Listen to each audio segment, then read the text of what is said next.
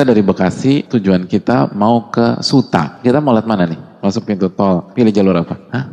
Ini anak sepeda semua, jadi nggak pernah masuk tol.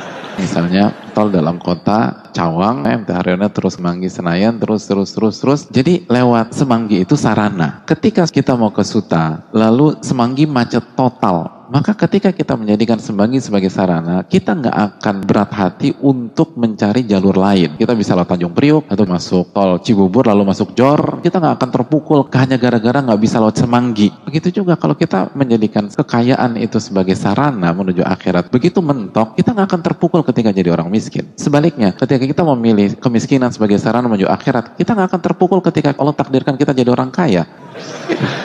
Lu serius ini loh. Dunia itu dijadikan sebuah sarana mencari ridho Allah Subhanahu wa taala. Jadi semata-mata kita hanya sebagai seorang hamba yang menjalankan perintahnya dan pada saat itu kita akan tenang, kita akan bahagia.